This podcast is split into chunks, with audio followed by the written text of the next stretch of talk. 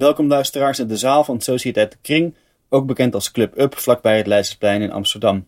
En welkom luisteraars op de website van de Gids, ook bekend als de Internetgids. Mijn naam is Dirk Vis, gidsredacteur en ik zit hier naast schrijver Hans Maarten van den Brink. Hier volgt de live opname van de achtste podcast van de Gids. Het eerste onderdeel is die podcast met een viertal schrijvers die zullen voorlezen, waarvan ik er één een aantal vragen zal stellen. Het tweede onderdeel is dat we eigenlijk ook het nieuwe nummer presenteren van de gids dat vorige week uitkwam, dat daar ligt. Waar u ook iets uit zult horen vanavond en wat u straks mee mag nemen. En het derde onderdeel is dat we naderhand proosten op de nieuwe verhalenbundel van Hans Maarten van den Brink. Waarvan ik zojuist heb vernomen dat er ook al een eerste, meteen al een verhaal in het Duits is vertaald in de Neue Zürcher Zeitung. Neue Zürcher Zeitung, dus een Ja. hele goede kant. Degelijke kranten, ja. ja. Dit is de internationale editie, was vandaag. En zaterdag stond hij in de weekendbijlage in Zwitserland. Straks gaan we luisteren naar Lotte Lentes, Daniel Rovers en Anneke Brassinga. Eerst gaan we luisteren naar Hans Maarten van den Brink, die het vertaalde verhaal voorleest. Maar dan, in het Nederlands. Ja. ja, nou, hartelijk dank voor de uitnodiging. Het het kortste verhaal. Het is ook een, eh, wou ik zeggen, eh, eh, een niet karakteristiek verhaal. Maar eigenlijk zijn alle verhalen in deze bundel niet karakteristiek. Ze zijn heel verschillend van stijl en toon en onderwerp. Maar dit is een beetje raar verhaal, omdat het een ware gebeurtenis is. Alle andere verhalen zijn voor het grootste deel verzonnen. Maar het is geschreven ooit voor, we kunnen er straks meer over zeggen, voor een nummer van de gids. Waarin het om ging om, over life writing, dus dingen uit je eigen leven. En ik heb geprobeerd zo getrouw mogelijk, zonder iets te verfraaien, te veranderen, een herinnering op te schrijven. En toen ik het afvat, was het net een kort verhaal. Daarom staat het hierin. Hoe dat kan, kunnen we het misschien zo over hebben. Het heet ofwel autofictie ofwel autofictie. Het begon ermee dat mijn vader een nieuwe auto kocht. En we begrepen niet waarom. Er was niets mis met onze witte Ford Cortina. Hij had stoelen van lichtblauw skyleer en een donkerblauw nummerbord waarop JZ7737 stond. We hadden er al heel veel zondagse uitstapjes mee gemaakt. Niet zozeer ergens naartoe, maar gewoon om het gezamenlijke rijden. En twee keer per jaar had hij ons naar Duitsland gebracht voor het verplichte familiebezoek. Het was trouwens niet eens een nieuwe auto, de Volvo van grijs plaatstaal met zijn loensende koplampen en zijn kattenrug. Hij was tweedehands. Nieuw was het leven dat mijn vader ermee ging beginnen, maar dat wisten we toen nog niet. Dit is wat ik mij herinner. Het was de zomer van 1965 en toen alle koffers waren ingepakt en de portieren gesloten, werd er zoals altijd gebeden voor een behouden reis. Vijf paar gaf vrouwen handen, twee grote en drie kleine. Meer dan 300 kilometer gingen we rijden. Daarom was er superbenzine getankt. Ook dat was gewoonte. Om de auto eens goed te verwennen in verband met de bijzondere prestaties die hij moest gaan leveren. De reis, die op het punt stond te beginnen, duurde immers bijna de hele dag. We zeiden vastberaden, amen. En dan werd de motor gestart. Ook voor de terugreis bestond er een ritueel. Aan het einde daarvan, vlak voor we het laatste bocht namen naar de stille laan die in het late middaglicht op ons wachtte, zei mijn moeder stevast: Zou ons huis er nog wel staan? Dan zag ik even een geblakerde ruïne voor me en stokte mijn adem, maar dat moment lag nu nog drie weken van mij af. De reis begon voorspoedig. Tot vlak bij Utrecht reden we kalmpjes langs de Oude Rijn, dan was er een stuk over de Veluwe. Na Arnhem kwam de grens met de slagbomen en de marechaussees in hun donkerblauwe uniformen. En aan het begin van de middag bromden de Volvo-wielen al over het beton van de autobaan. Niet alleen hadden de koeien in Duitsland een andere kleur, het wegdek klonk er ook heel anders. Dat was leuk. Net als het dak dat open kon, al mocht dat op de snelweg niet. Wel vond ik dat de kaken van mijn vader wat strakker gespannen waren dan anders. Genoot hij niet van zijn nieuwe bezit? Hij droeg de autohandschoenen die mijn moeder hem nog voor de vorige auto gegeven had. Om de aankoop te vieren. Lichtbruin met van die gaatjes erbovenop. Zij was voor haar doen ook opmerkelijk stil. Misschien weer migraine. Nog geen 15 kilometer na de grensovergang stond het grijze gevaarte machteloos stomend langs de weg. Een takelwagen en een uur of twee later was het hele vakantiegezin verzameld in de zwaar naar olie ruikende werkplaats van Autohaus Schneider, waar een man in overal, vermoedelijk meneer Schneider zelf, met de aan vreugde grenzende geme- gemelijkheid die zijn beroepsgroep vooral in hopeloze situaties zo graag tentoonspreidt, zijn handen aan een poetslap schoonveegde en mijn ouders hoofdschuddend aankeek. Het was niet best. Het was helemaal mis met onze veelbelovende nieuwe auto. Maar hij zou meteen gaan bellen voor een nieuw onderdeel, de garagist. Mijn vader was terwijl de man dit zei heel rood geworden, mijn moeder juist heel bleek. Wij vonden het geweldig in de garage. Midden in de ruimte tussen rondslingerend gereedschap, draaibanken, bruggen en olievaten stond een autovrak, rood, nog helemaal vers. Het onherstelbare resultaat van een botsing met dodelijke afloop. We liepen fluisterend om de misvormde carrosserie heen, om de verwrongen bumpers en gedeukte portieren. We kwamen nog dichterbij en schopten zachtjes tegen het wiel dat mank en dubbel geklapt met de flap van een lege band onder de wielkap uitstak. De voorkant van de auto was een, als een harmonica in elkaar gedrukt. We keken naar binnen. We keken naar binnen door alle vergruizelde ramen, voor en achter en opzij. We zagen dat de stuurkolom zich in een van de stoelen had geboord. Daar had iemand tussen gezeten. Die nu dood was.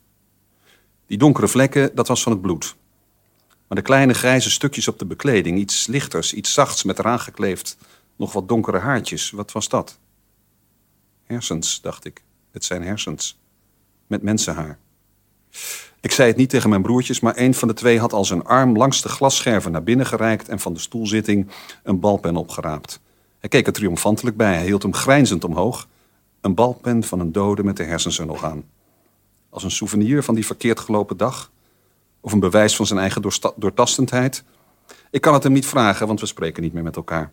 Hij heeft de pen nog jarenlang bewaard. De heer Schneider kwam uit het kantoortje waar hij had getelefoneerd. Morgen, zei hij. Het wordt morgen. Het is, laat ik zeggen, nu eenmaal niet een heel normale auto die u zich heeft aangeschaft. Dit type zien wij hier niet vaak. Het onderdeel moet uit Keulen komen. Hoe het ook zij, we doen ons best. Even later liep het gezin met enkele bagagestukken over de stoffige weg het dorp in naar het kleine hotel met de schappelijke prijzen dat de garagehouder vriendelijk had aanbevolen en heel behulpzaam ook al voor ons had gebeld. Een donkere gelachkamer met veel blank eikenhout. Eten waarvan ik me niets herinner, maar dat ik me heel goed kan voorstellen. Zwijgen. Mijn ouders deden geen enkele poging nog iets te maken van de dag. Het was de herbergierster die ons onze kamer wees en naar bed heeft gebracht. Dat bed was het grootste dat ik ooit gezien had. Er pasten drie jongetjes naast elkaar in, met gemak. En een enorme bolle witte Duitse deken vol met ganzenveren bedekte dat grote bed. Een deken als een wolk, zo dik en hoog, maar dan veiliger en warmer. Zeker nadat de vrouw het nog eens boven ons had opgeschud. Ik zie al dat wit nog in de richting van het balkenplafond omhoog zweven en dan daalt het zachtjes op ons neer. Ik geloof dat ik me nog nooit zo veilig en zo warm heb gevoeld als toen. De herbergierster keek ons aan, eerst één voor één, toen samen. En zei dat we arme kinderen waren, lieve arme kinderen, maar dat alles goed zou komen. Ze had dikke armen en rode wangen. Armen die je om je heen zou willen voelen. En een brede glimlach op dat glimmende gezicht. Meer weet ik niet, ik viel in slaap. Ruim veertig jaar later reed ik in diezelfde streek over een van de binnenwegen op weg naar iets. En in mijn eigen Volvo, toen ik op een kruising een wegwijzer met de naam van het dorp zag staan. Je was er zo, een paar kilometer maar. De garage zag ik niet, maar de gasthof was niet te missen. Ik bestelde een glas bier in de gelachkamer die nog steeds duister was en nog steeds blanke eikenhouten meubels had. De man achter het toog gaf het kortst mogelijke antwoord op elk van mijn voorzichtige vragen. Ja, het bedrijf was van zijn ouders geweest en ze hadden nog steeds zes hotelkamers boven. Nee, zijn vader was dood en zijn moeder niet meer aanspreekbaar. Ik haalde diep adem en zei toch maar dat het misschien vreemd klonk, maar dat ik dierbare herinneringen aan zijn moeder had. Hij haalde zijn schouders op. Toen vertelde ik in een paar woorden over de autopech en de nacht in het grote bed. De man keek me even forsend aan en draaide zich toen om naar zijn enige andere gast, die aan de verre hoek van de bar zat, kennelijk een bekende. Dat hadden mijn ouders prima geregeld met de oude Snijder, zei hij. Wat er ook aan de hand was met een auto, er moest altijd een onderdeel worden gehaald. Nooit was het voorradig, nooit kwam het nog diezelfde dag. En dan werd er bij ons gegeten, geslapen en gedronken. Ze kwamen met geen mogelijkheid nog weg. S'avonds laat kwam Snijder zijn verdiende borrel halen. Er is niets veranderd sinds ik de man heb horen spreken en ook dat is alweer jaren terug. Nog altijd, wanneer ik op de autobaan kort naar de grens de afslag zie en het bord met de naam van het dorp erop, is er even een geluksgevoel. Niet dat van toen, het is steeds weer helemaal van nu. Alle herinneringen zijn fictie. Zodra de tijd een vorm krijgt en een ding wordt met deuken erin, zodat je het vast kunt pakken, is niets meer helemaal waar. Maar wat geeft dat? Ik heb voor altijd een kamer in een hotel in Duitsland en er is een groot wit dekbed gevuld met dons en veren dat wanneer, wanneer ik dat maar wil over mij neerdaalt. Verder is er heel veel dat ik ben vergeten. Maar niet het nummer van onze eerste auto. JZ7737. In wit op blauw. Die auto die het altijd deed.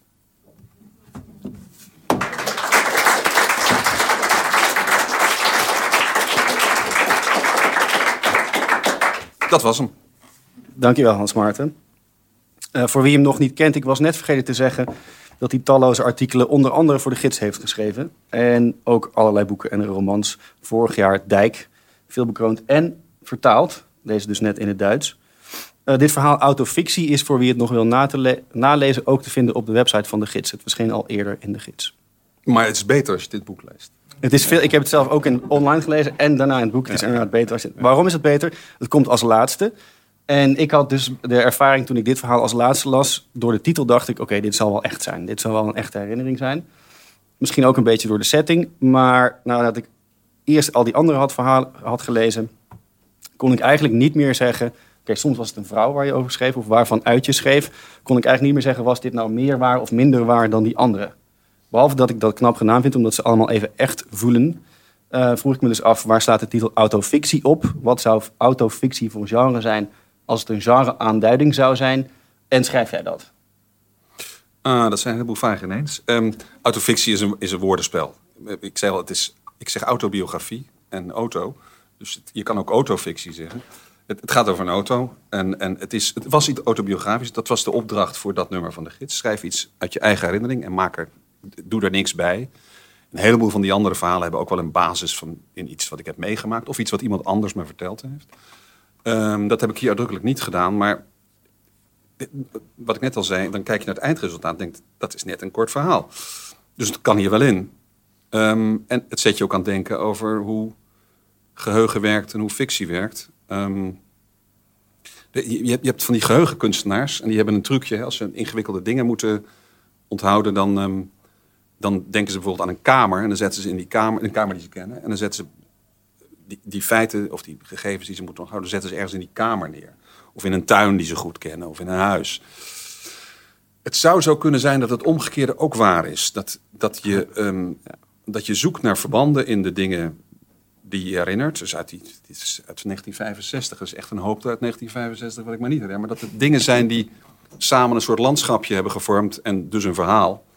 Um, Waardoor het zo is blijven hangen. Maar het is wel echt waar. Het kwam allemaal. Ik heb het nooit vergeten, maar het kwam allemaal. Dit, dit, dit, die zogenaamde clue.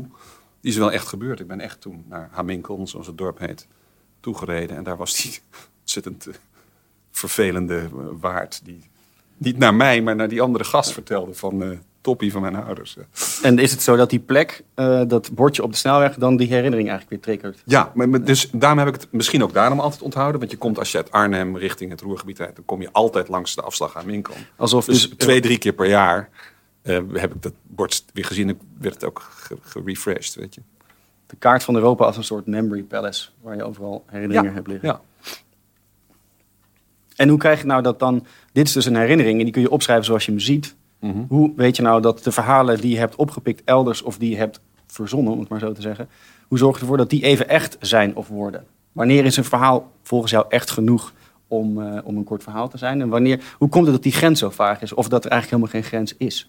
Tussen datgene wat jij je hebt herinnerd en wat je je voorstelt als je een verhaal schrijft. Nou, ik vind, ik vind het genre korte verhalen best moeilijk, heb ik ontdekt. Het is voor de eerst dat ik het doe. Ik had er een paar en heb, heb er de meeste nieuw geschreven hiervoor.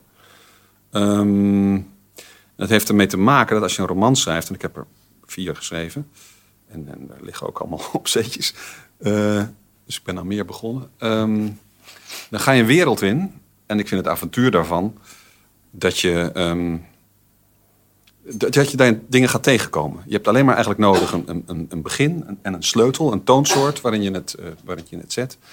En daarna creëer je een wereld waarin dingen gebeuren. En er mogen zijpaden in zitten. Sterker nog, mijn persoonlijke stelling is anders dan Hermans, die uh, het Oude Testament citeren en zei: er mag geen mus van het dak vallen uh, zonder betekenis. Hè, of er mag geen geweer boven de schouw hangen of het moet afgaan.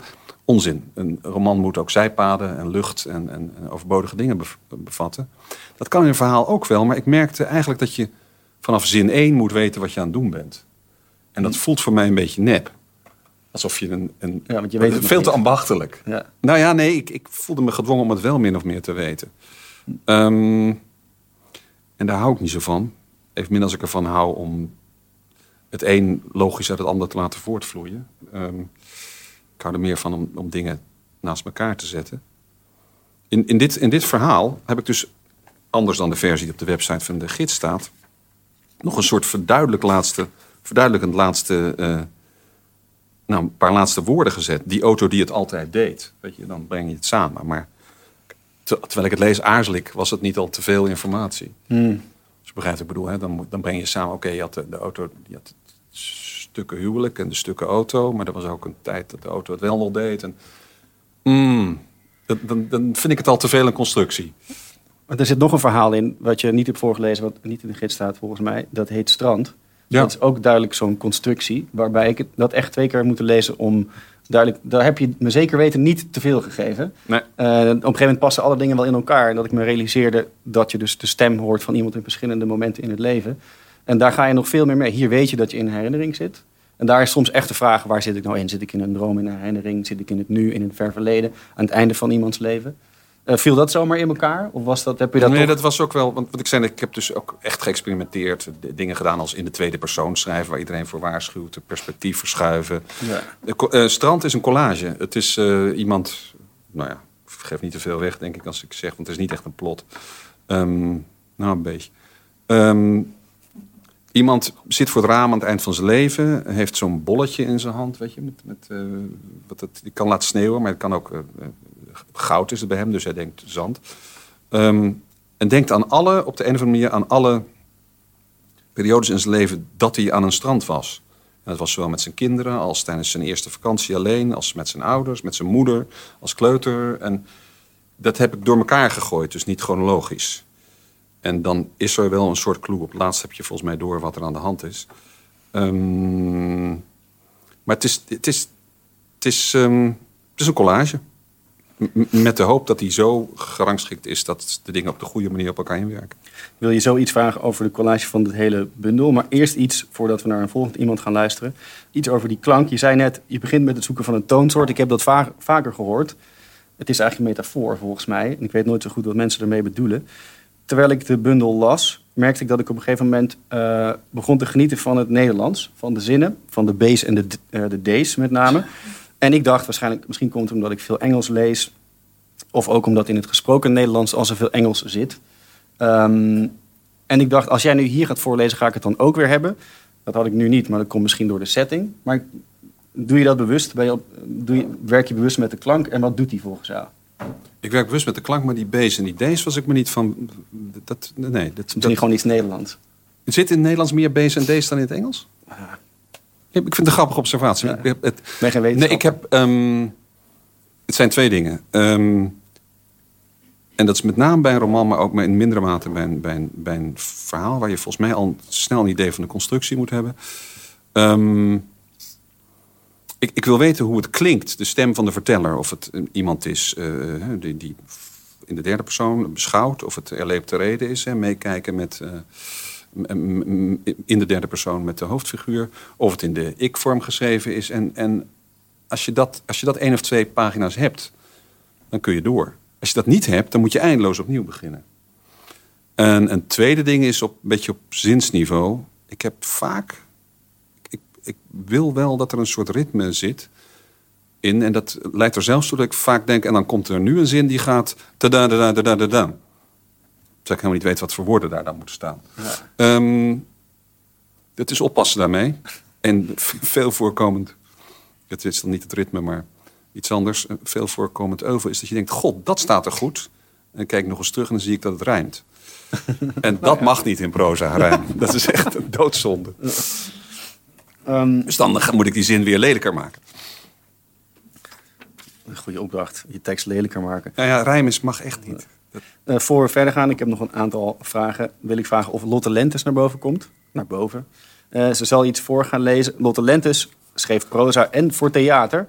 En ze werkte onder andere voor Das Magazine. En uh, werkt aan een nieuwe bijdrage die in juli online komt op de internetgids. Dat zal de eerste zijn voor de gids. er verschenen novellen van haar bij Wintertuin en ze werkt aan een debuutroman. Kom maar op.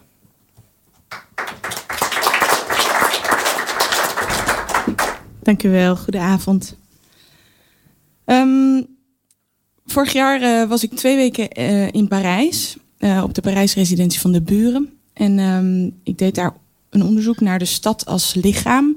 En daarvoor wandelde ik bijna 300 kilometer in twee weken tijd. Um, dat was niet het vooropgezette plan, maar dat ontstond zomaar.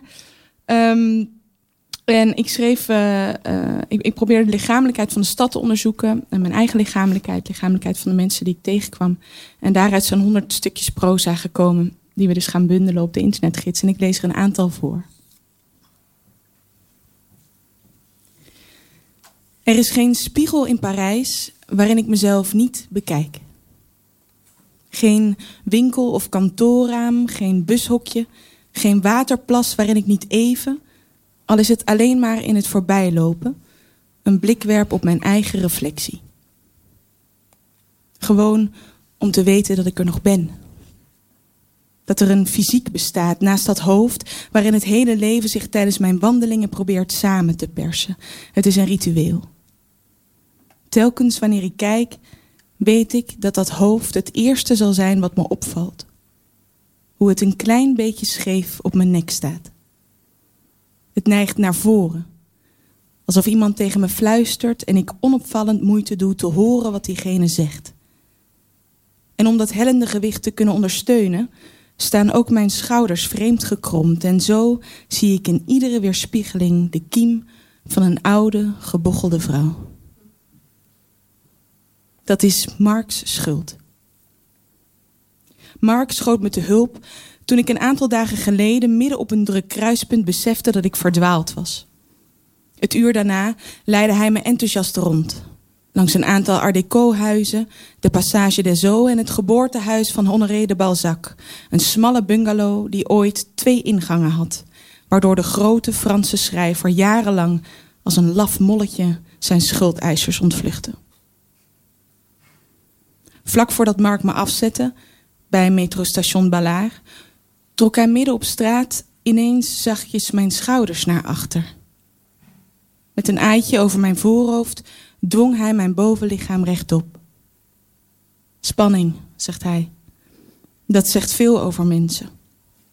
Zijn aanraking was warm, vaderlijk bijna.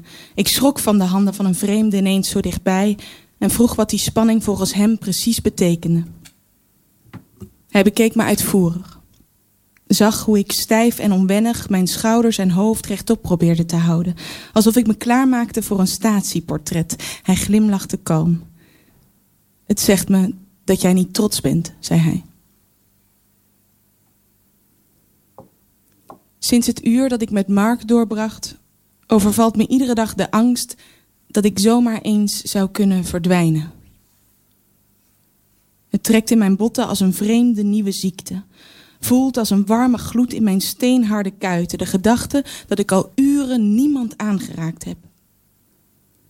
Op de drukke knooppunten die ik tegenkom, de metrostations, de winkelcentra, kan ik me niet onttrekken aan mijn eigen reflex ieder lichaam te ontwijken. En terwijl ik dat doe, ben ik me ervan bewust dat die moeite eenrichtingsverkeer is, want niemand wijkt voor mij.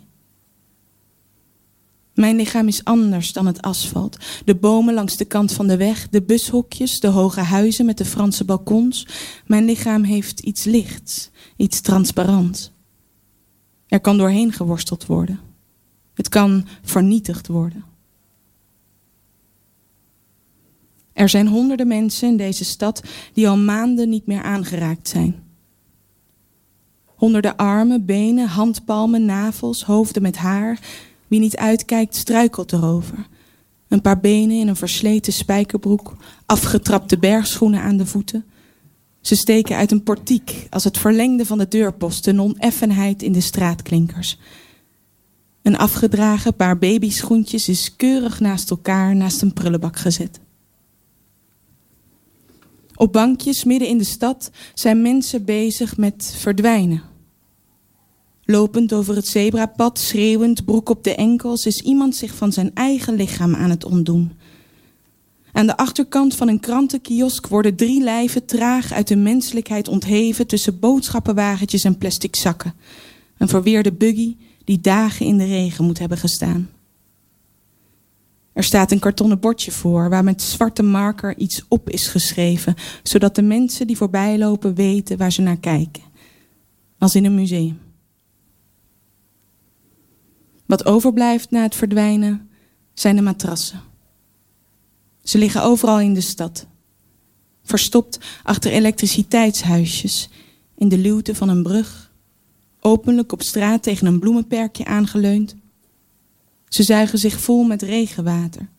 Ze worden opgetild en een paar straten verplaatst. Er wordt tegenaan gepist en overheen gekotst. Mark vertelde over een luchtrooster boven de metro tussen Passy en Boissière, waar jarenlang dezelfde man op lag te slapen.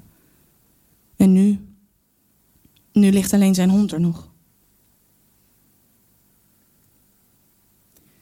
Op de Avenue de France wordt een vrouw gearresteerd omdat ze ongelukkig is. Ik zie hoe de agent haar met haar handen op haar rug tegen het raam van een galerie aanduwt. De veelkleurige doek die de vrouw losjes om haar hoofd heeft geslagen, glijdt daardoor een stuk naar achter. Er verschijnt dik, koffiekleurig haar in een strakke middenscheiding.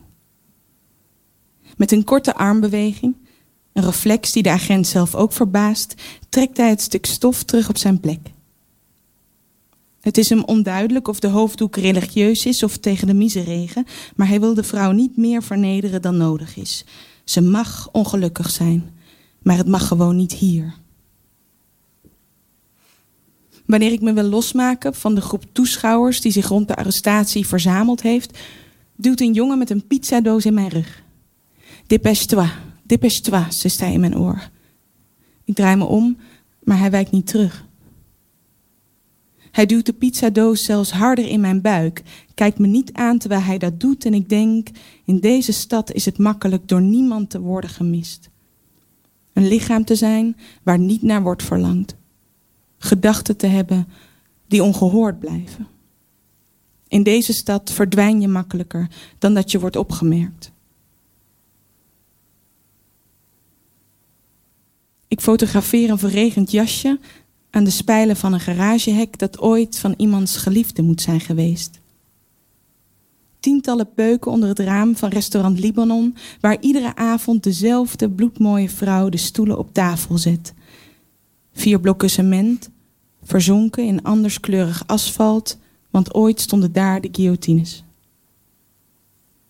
Het Japans heeft daar een woord voor, zei Mark. Saba, het vertaalt zich letterlijk als roest, maar betekent eigenlijk dat wat de tijd aan sporen achterlaat. De koperen wijwaterschouw in de Notre-Dame is glad omdat er duizenden handen overheen gegleden zijn. De trappen naar Montmartre buigen door in het midden. Er zijn stangen in de metro die onheilspellend kleven. Andere zijn tot een onberispelijke glans opgevreven, overal erosie. Oxidatie die je door alle tijdlagen heen katapulteert, die herinneringen activeert, je eigen of die van anderen. In een krappe hotelkamer vouwt een man zijn kleren op voordat hij naakt naast een meisje gaat liggen. Ze heeft net voor hem gedanst in de smalle ruimte tussen het bed en het raamkozijn.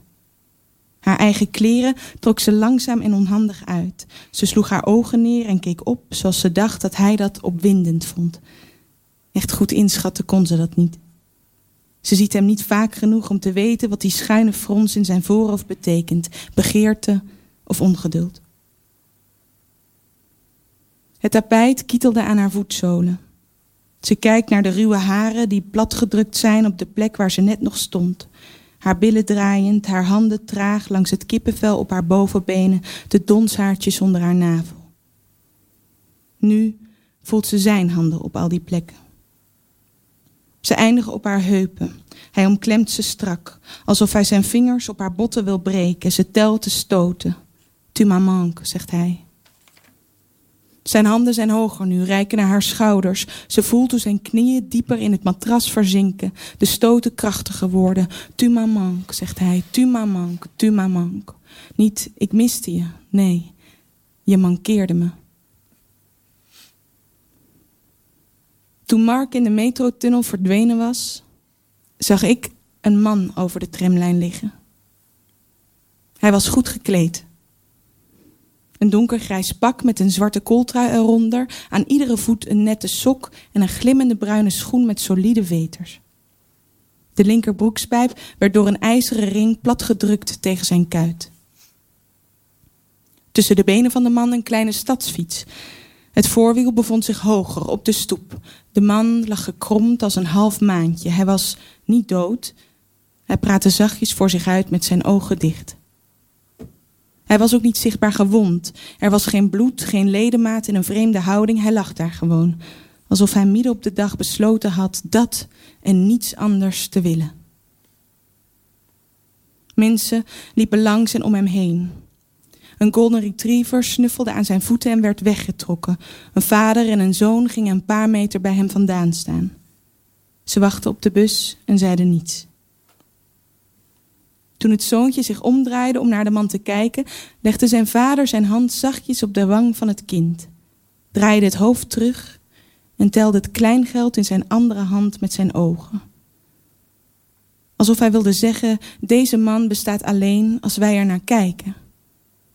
Alsof hij wilde zeggen: Zolang wij nog op beide benen staan, valt hier niets te zien.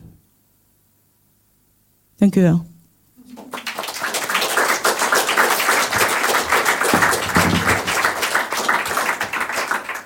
Dan gaan we nu luisteren naar Daniel Rovers, die vele essays schreef, vaak ook voor de gids.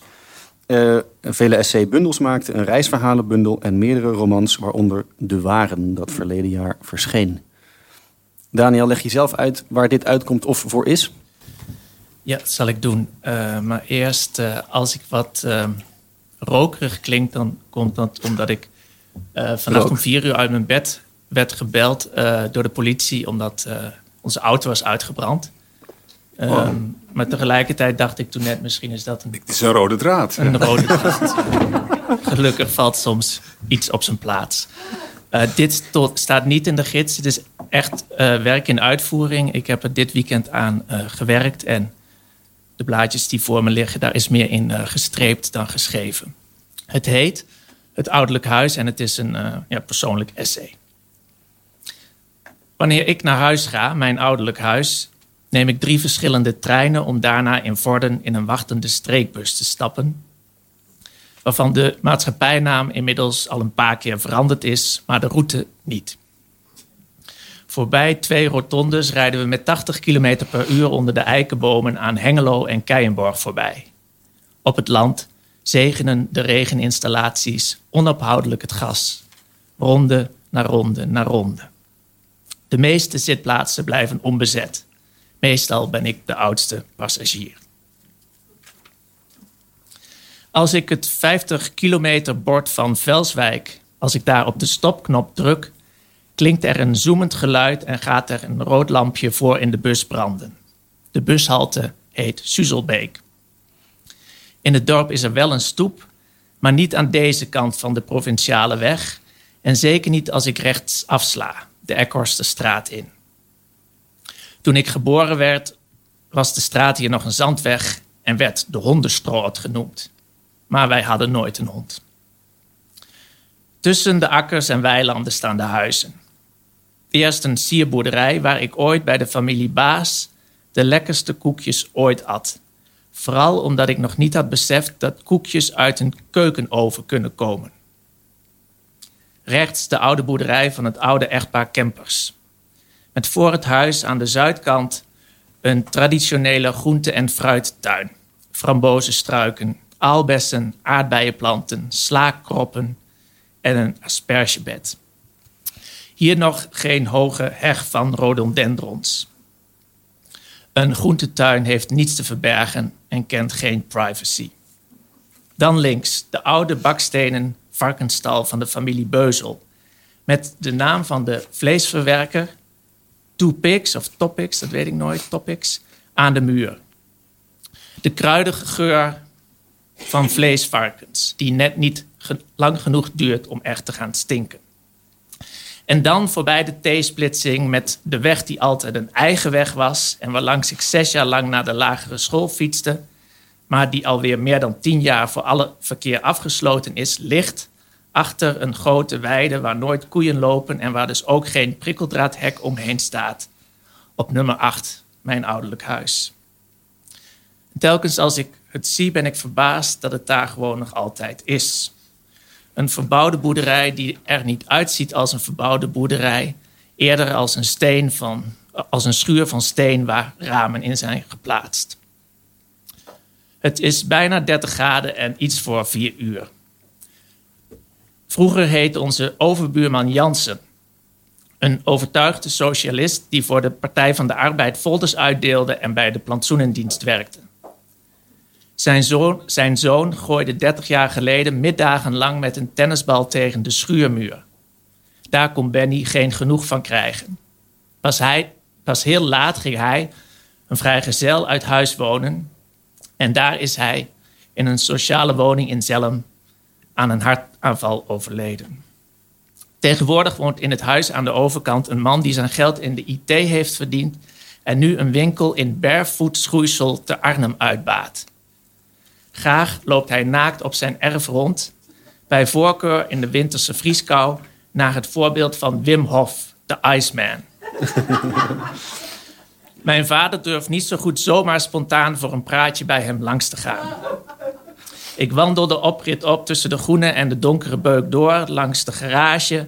En onder het afdak open ik de draaiknop van de deur. Ik ga het huis binnen. Het is donker, de gordijnen zijn dicht om de middaghitte buiten te houden. Mijn moeder ligt levenloos in de uitgeklapte leren tv-zetel. Ze snurkt. Mijn vader doet met open mond een dutje op de bank.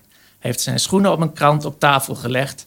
En op de momenten dat je hem niet hoort ademhalen, geeft hij de indruk overleden te zijn.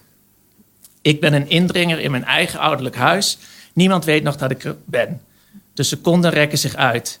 Het is alsof de tijd stilstaat en alle beweging is stilgezet, waardoor ik nu de enige en dus de eenzaamste getuige ter wereld ben. De tegelijkertijd angstigste en mooiste herinnering die ik heb aan deze plek. Acht jaar oud ben ik, het is zomer en ik ben vroeg naar bed gegaan. En opeens schrik ik wakker, het is alweer licht geworden en er is niemand in huis. En ik weet heel zeker op dat moment dat ik in mijn lange, diepe slaap op de een of andere manier ben kwijtgeraakt. Dat de wereld in mijn slaap een afslag heeft genomen en dat ik die heb gemist. Ik leef nog wel, maar wat heb je daaraan als je hele familie van de aardbodem verdwenen is? En met een vreemd volwassen gevoel van onherroepelijk ontheemd zijn, loop ik naar buiten, naar de twee jonge beuken aan het begin van de toen nog betonnen oprit. En net als de paniek toeslaat, zie ik mijn moeder met mijn zus daar staan. En ze zegt dat het nog helemaal geen ochtend is, dat ik pas een uur geleden naar bed ben gegaan. Ik moet huilen, heel hard huilen. Waarom weet ik zelf ook niet precies, maar nu heb ik tenminste de zekerheid dat ik getroost zal worden, dat mijn tranen gezien zullen zijn.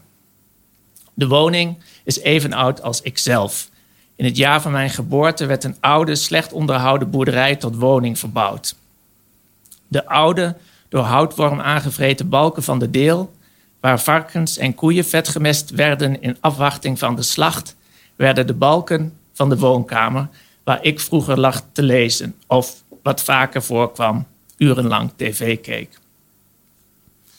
Wat blijft er over van 40 jaar geleden? Niet de luie tv-stoel, al is die ook alweer meer dan 10 jaar oud en niet meer verstelbaar tot de lichtstand. Het tapijt is oud, maar geen 40 jaar oud. En tot in mijn puberteit lagen er sieselmatten op de vloer, die pas vervangen werden toen de mijtenpopulatie zichtbare vormen aannam. Het kleine toilet met de deur van vurenhout fineer. Ja, dat is een generatiegenoot. De lichtbruine pot met de hard plastic omhoog te trekken hendel. Het kleine gootsteentje in dezelfde lichtbruine ongedefinieerde kleur. Het hard gewassen handdoekje aan de haak. De donkerbruine tegeltjes op de vloer. De tegels aan de wand met een bloemenmotief en guirlandes die samen met de andere guirlandes een patroon vormen. De bovenste rij tegels laat louter bloemen met een oranje kroon zien. En boven de wandtegels, vooral bij de lichtknop, is de grof gestukte witte wand smoezelig geworden. Dat is niet meer weg te poetsen, smeer en stof. De neerslag van aanhoudend toiletbezoek. Eerst door een gezin van vier, later door een ouder wordend echtpaar. Wat er 40 jaar geleden niet kan zijn geweest, dat is de geur die ik ruik zodra ik binnenkom. En die in de loop van jaren in de muren moet zijn getrokken. Een nauwelijks te omschrijven, zeer eigen geur, samengesteld uit de rook van de open haard, later de houtkachel. Gewassen kleren aan de lijn op de overloop, het eikenhout van de balken, het leer van de bank.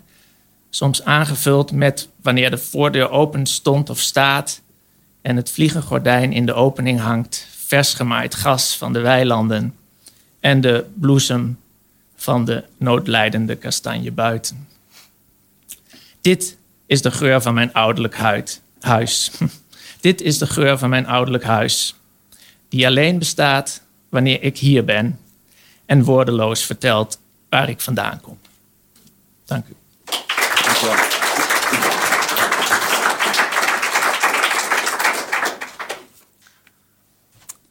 We hebben tijd voor nog een paar vragen, voordat we naar de laatste uh, voorlezer gaan luisteren. Uh, bij lezing, ik vond dit een uh, redelijk perfect vakantieboek. En niet in de zin van een boek wat je leest als je op vakantie bent. Meer... of, of, juist wel, omdat ja. je denkt dat het altijd erger kan. Als je eigen vakantie ja. niet helemaal perfect is. Ja, dat is een goed punt. Er komen best, best, best wel erge dingen in voor. Dit is marketingtechnisch, moet ik dit even ja. kwijt. Nou ja, zo had ik perfect vakantieboek eigenlijk ook gedacht. Later dacht ik, nee, het is meer zo als je het boek uit hebt... dan realiseer je eigenlijk door dat boek kom je een beetje in de onbestemde staat die je ook hebt op vakantie. Je bent ergens anders, niet in je normale leven. Je kunt reflecteren. Dat vond ik daar heel erg aangenaam door. Um, um, ik wilde even vragen, wat is een verhalenbundel voor een soort boek? Zijn het allemaal losse delen? En als ze een, maar als ze ook een geheel vormen, wat doet dan het geheel? Is het zoiets als wat je wel eens in een film ziet, die bestaat uit de vignetten? Is er een groter thema wat in al die dingen voorkomt, behalve dat ze allemaal op vakantie afspelen? Um, nee, dat laatste is niet zo. Um, ik ben er zelfs een beetje beducht voor. Uh, iemand zei tegen me, ah, je hebt het thema vakantie genomen... toen de verschillende aspecten gedefinieerd... en toen ben je dat gaan invullen. Nou, zo werkt het niet, zo schrijf ik niet. Daar ben ik helemaal niet gedisciplineerd genoeg voor ook. Um, nee, het zijn de verhalen die ik wilde schrijven. Ik heb wel op een gegeven moment gedacht... Uh, ze zijn zo verschillend... Um, dat wil zeggen, dat verbeeld ik me, maar ik zit er natuurlijk altijd zelf in. Dus speelt dat speelt wel mee. um, maar ook qua stijl hoor. Want dat, wat, wat ik voorlas was vrij recht toe recht aan. Dat zijn ze niet allemaal. Ja. Um, ik, ik, ik, uh, ik vind ook dat je ze niet achter elkaar moet lezen. Kijk, als je zo'n doos uh, pralinees krijgt met uh, allemaal verschillende smaken... is het ook niet raadzaam om ze... Je eet ze dan achter Daar elkaar ben ik dan weer niet gedisciplineerd genoeg voor. ik hou me niet van chocola. Um, dat, dat, dat, nee, ik vind dat je ze, dat je ze apart moet lezen. en... en Um, niet omdat ze zo voorzichtig behandeld moeten worden, maar omdat die suggestie dat ze samen een geheel vormen, die is er niet. Sterker nog, ik heb af en toe zin om er nog eentje te schrijven. Omdat ik denk, ja, het, um, het is eigenlijk zo'n vaag thema. Uh, de, het is vakantie, weg zijn, in een buitenhuis, in een hotel. misschien wel permanent, omdat je weg wil en niet meer thuis wil zijn. Het is de arena waarin ze allemaal uh, zich afspelen. En dat is een goede, omdat uh, mensen, als ze niet in een vertrouwde omgeving zijn, uh, zich daar van alles bij voorstellen. Zichzelf keihard tegenkomen, dat is bijna een cliché. Maar ook er iets op geprojecteerd hebben. Het gaat hier fantastisch zijn. dat is zelfs de titel van een televisieprogramma, geloof ik. Mm. Um, en, en dan valt het tegen, of juist niet. Um, dus nee, het is niet bedoeld als een, als een compositie. Uh, zelfs niet als een collage. Uh, het, het, uh, het, is, het is een, een, een gemeenschappelijk, een iets wat de, de dertien verhalen gemeenschappelijk hebben. Ja, als het dan. ehm, ik heb er toch iets van een thema ingezien hoor. Dat kan, bedoel, dat hebt u misschien niet expres. De lezer heeft altijd gelijk. Ja, maar ik heb het Nou, wel dat- ingezien. dat- ja. Ik zag het gaat volgens mij veel minder over de afstanden die je aflegt als je op vakantie gaat. Maar op een gegeven moment zag ik er iets in. Het gaat voortdurend over de afstanden die je hebt tot de mensen met wie je op vakantie gaat. Die je eigenlijk in het dagelijks leven ook al hebt. Dat zijn afstanden die niet zo makkelijk in kilometers zijn uit te drukken. Maar die kwamen steeds naar voren. Dat de mensen met wie je dag in dag uit het leven deelt, dat je daar soms de grootst mogelijke afstand tot hebt. Maar dat is misschien wel, ik voel me enigszins betrapt nu, eh, het thema in alles wat ik schrijf. Ehm, d- d- dit, dit poging om die afstand te overbruggen en em, hem onder ogen moeten zien. Ehm, en, en dat komt wat, ehm, hoe zeg je dat, wat naakter eh, tot uiting, denk ik, in de situatie waarin je niet je dagelijkse bezigheden hebt. En de, de, de, de, de, de, verplichtingen eh, die toch structuur geven aan je leven en aan je dag en aan je eh, en afleiden.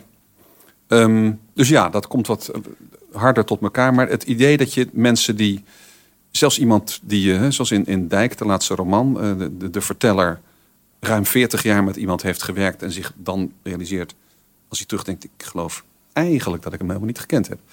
Ehm, of, of twee jongens die met elkaar roeien en de een projecteert van alles op de ander. Je hebt geen idee of de ander wel soortgelijke gevoelens heeft. Dat komt eh, steeds weer terug en dat zit denk ik in mij. Maar dat wordt ook door dit thema weer... eh, laat ik zo zeggen, als het niet al vrij voor de hand lag door dit, eh, deze arena, noemde ik het net... dan had ik het er waarschijnlijk op een andere manier weer ingeduwd. Zijn die afstanden ook te overbruggen door sommige van de mensen in het boek? Lukt het sommigen om daaraan te ontsnappen? kortstondig en soms op een rare manier. Er is dat verhaal van een man die in Thailand blijft. Hè. Ja. En op vakantie denkt, nou, maar dit is hier waar ik wil zijn. Maar voornamelijk omdat hij niet in Nederland wil zijn. Ehm Het lukt die mevrouw ook die kort een brief schrijft aan haar, is het haar broer? haar broer, ja, ja. Maar volgens mij door het schrijven van die brief lukt het alleen.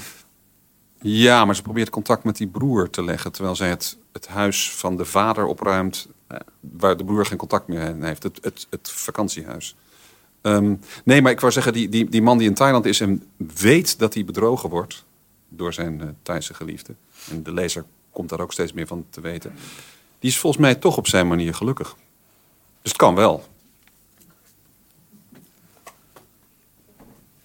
Ik moet kiezen wat ik nog het liefst wil weten.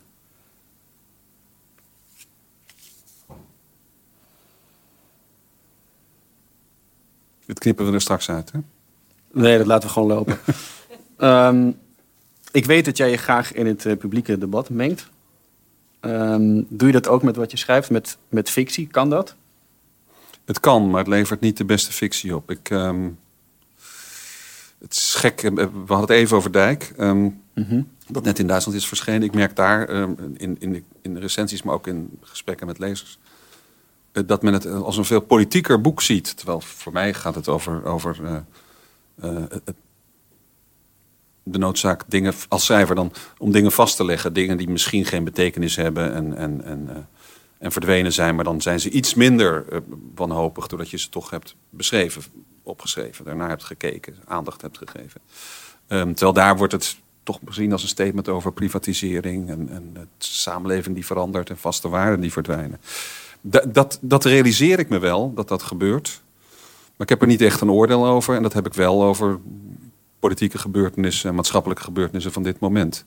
Dus er, is, er zal een relatie zijn, omdat, en de relatie ben ik. Maar ik- bij fictie denk ik nooit, ik moet nodig eens een, eh, een eh, geëngageerde roman gaan schrijven. En daarom eh, uit ik me misschien iets te vaak op Twitter. En, en, maar, maar zal ik ook binnenkort weer non-fictie schrijven die wel degelijk politiek is. Ja. Een Twitter-roman. Nou, dat is ook al eens gedaan volgens mij, maar dat ben ik eigenlijk niet zo voor. Eh, wat lees je zelf het liefst op vakantie? Nou, ik ben niet zo'n vakantiemens eigenlijk. Ehm, ik denk altijd, wat ga ik doen in de vakantie? En dat is dan niet toerisme, maar dan... eh, Ik, ik lees eigenlijk altijd dingen waarvan ik denk dat ik er iets mee kan. Er zit geen... geen ehm, Nee. Wat lees je dan zelf om eh, even te ontsnappen en niet te hoeven en, eh, en eh, te kunnen reflecteren? Ja, maar ik wil helemaal niet ontsnappen. Ja, dat ja. is het punt. Af en toe je hebt ook toch mensen die willen de tijd doden. Volgens mij moet je nooit proberen de tijd te doden. Je zal af en toe toch, maar Goed, ben je goed niet, best- wanneer ben je voor het laatst gedwongen om iets dan gedwongen om iets te lezen wat helemaal niet hoefde, wat niet de bedoeling was, waar je niks uit kon leren, maar waar, waar je toch even kon reflecteren op wat, uh, wat je. Nou, gisteravond uh, in bed, uh, toen las ik als voor de tweede keer was, stukken in Als weer zijn stuk van Mier. Dat, is de, dat zijn de memoires van een Duitse schrijver, Karl Zoekmeijer. Een interessante schrijver, jaren 20, 30, na de oorlog in 1945 teruggekomen om voor het Amerikaanse ministerie van Defensie te beschrijven hoe de mentale toestand van de Duitsers, uh, hoe het daarmee gesteld was. En met name ook in de kunstwereld. En dat had ik vorige week gelezen. Toen dacht ik, ga ook die memoires weer lezen. Nou, dat. En dat komt vast wel ergens terug op een gegeven moment. Ja. Um, die jaren 20 en 30 en 40. Um, en dat boeit me dan het meeste. En, en ik, ik, ik als ik het even terug mag komen op die korte verhalen. Ik, um, ik had me voorgenomen om uh, veel korte verhalen te lezen van anderen. Om te denken, hoe doe je het nou eigenlijk? Ook om nou, dat, dat heb ik wel gedaan, maar dat helpt dus helemaal niet. en, maar dan lees ik bijvoorbeeld Laurie Moore, die ik heel goed vind. En dan lees ik daarna een roman van en denk ah, je kan dus heel goed korte verhalen schrijven, kunnen schrijven en dan geen roman kunnen schrijven. Want je, je hebt het ritme verkeerd. Um, om het te ontspannen, om, om, om uh, uh, nee, dan kijk ik, uh, dan kijk ik Californication op Netflix. Die hebben ze er afgehaald voordat ik er klaar mee was. Dat is echt gods. Kijk, van die dingen, meneer, dat is een schandaal. tot slot, nu de verhalenbundel Ontbijtenbuffet. Je zei zelf, ik heb meerdere opzetjes voor romans. Wat nu? Ik, ik, denk dat ik deze zomer aan een roman doorschrijf die al heel lang... Bij mij duurt alles altijd heel lang, dus ik denk iets twintig jaar geleden. En dan op een gegeven moment gaat het, coaguleert het en dan moet het. Dat ik daar in juli en augustus aan werk. En dan hoop ik in het najaar iets te doen wat... Nou, ik ga niet zeggen wat het is, maar het heeft te maken met de toon van het debat... en de dingen waar ik me over opwind. En op een niet-productieve manier een Twitter-uiting uh, uh, aan geef. En vast ook met Karl Zoekmaier in de jaren 30 en de jaren 40. Daar ben ik benieuwd naar. Uh, ja. Dankjewel. Uh, tot... Kom houden.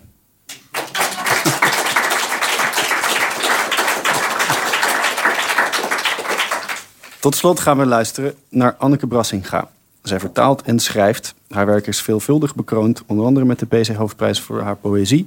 Haar werk verschijnt regelmatig in de gids. In deze gids bijvoorbeeld, die u straks mee naar huis kunt nemen. En zij gaat iets voorlezen uit een geheim project. En uh, ze werkt aan een nieuwe bundel. Anneke?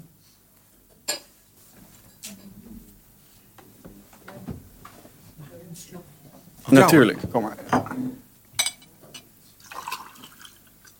Alsjeblieft. Dat is stom dat we daar neer moeten zetten. Uh, Boetius. Boetius zat in de gevangenis, uh, veroordeeld ter dood, wachtend op zijn executie. En hij schreef een boek bij wijze van ontsnappingsmanoeuvre. En Piet Gebrandi is het aan het vertalen en ik uh, had een opwelling om een brief te schrijven.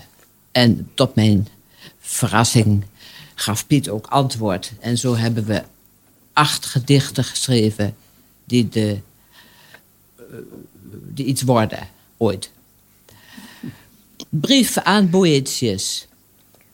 Wie bevroeden kon hoe voorvallen waterval aan het worden waren. Oorsprong van wat niet was, maar op ontketening stond. Hij streelde de zwangere buik van het lot. Daarbinnen, in serene lochting, loverrijk zwevend dooreen, bestendig enkelvoudig, het zich rondende, dat ons belet een uitgang, opzettelijk. Wij hebben te worden uit vrije wil. Jij en ik, gekussend, doorgezeten, eenvoetig, opklapbaar en op luchtigste wijze gewikst, wiekend ineengeknield, lijfsliefst beloofd om voort te fladderen, kromhalzig naar de warme bocht, pluimlicht waar naakte poten verdwijnen in zacht verende vederbosjes van woffers die bonzen.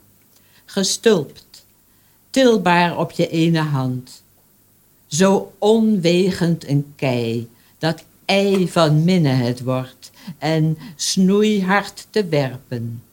Indien arm niet allengs tot vleugel zou strekken, onze lippen intussen versmeltender als sappiger snavels getuid hadden om fluitzang en zoen.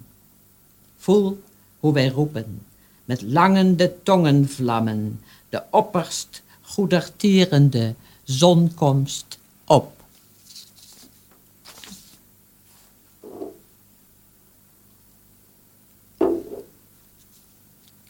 Verzoekschrift aan filosofie. Dit is dus Piet. Ik moet dus eigenlijk een andere stem opzetten. Beloof me dat u me zult. Want u weet van wat kwam. Want u weet hoe ik hier ben geworden. Er moeten hierna en daarna zijn. Zoals ook hiervoor en voorbij. Maar nooit bleef ik verstokt als vandaag. Mijn eertijds aanzienlijke klof raakte doffer dan dof de matras van mijn brits leent zich eerder tot sneven dan slijmvlies bevleugeld verkleven. Al biedt zij wel ruimte voor twee. Mijn valkperspectief is gekrompen tot vierkante meters. Mijn logica blijkt hier sof en beschamend. Wentel ik trapsgewijs kelderwaarts, wring ik mij vast in inklinkende aarde. Wees toch in leegte en lucht, mijn woestijnzand omsluierde zonschijf. Zonder vloers is uw straling te fel. Ontgrendel adderloos uw granaatappelhof. Beloof me dat u ontpopt uw vlinders van vlees van uw trossen laat gisten, uw most van verlos. Geloof me, u kunt me genezen van bittere troost.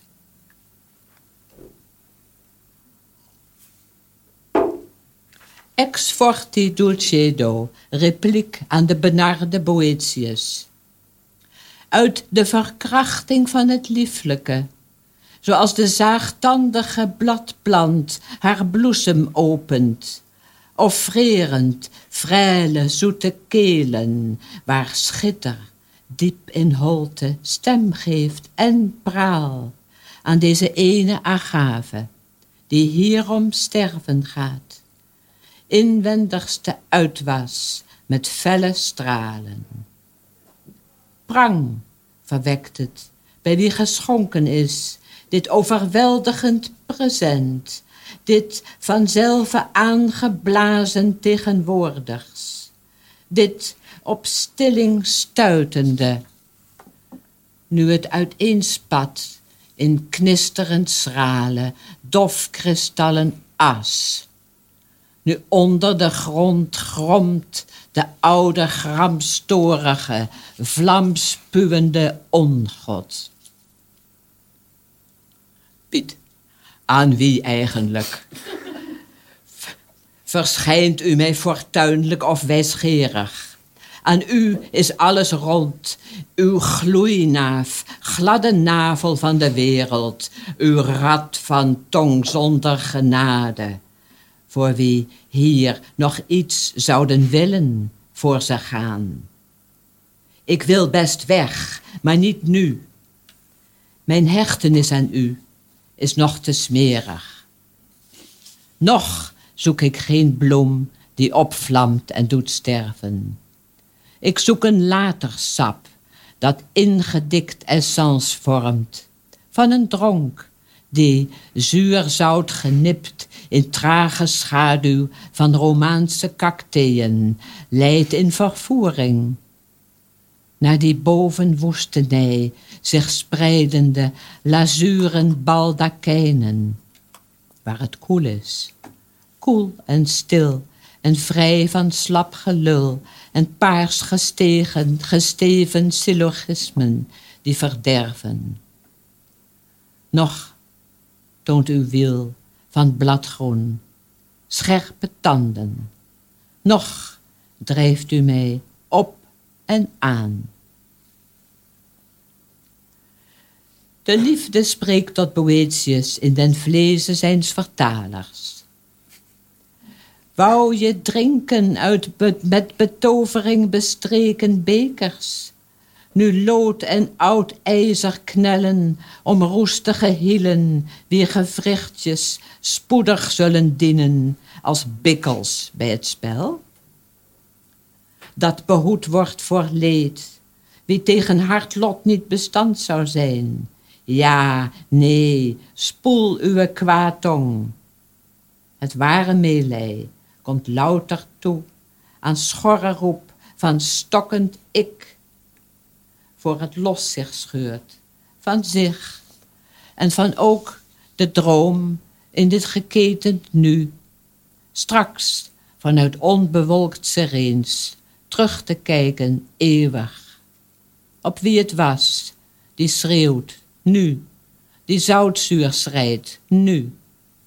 Blijf hier, bij u en mij, als moleculisch vuur, dat zelfs de koele oester leven doet.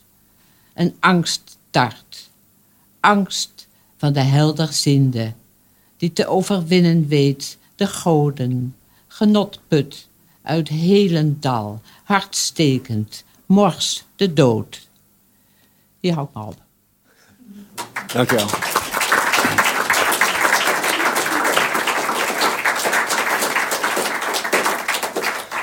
Dat was het. We danken onze auteurs Lotte Lentes, Daniel Rovers, Anneke Brassinga en Hans Maarten van den Brink. We danken het Letterenfonds, we danken de Kring voor het hosten van de podcast. Die werd samengesteld door Rosa van Gol en mijzelf, Dirk Vis. Bedankt voor het luisteren. Tot de volgende keer.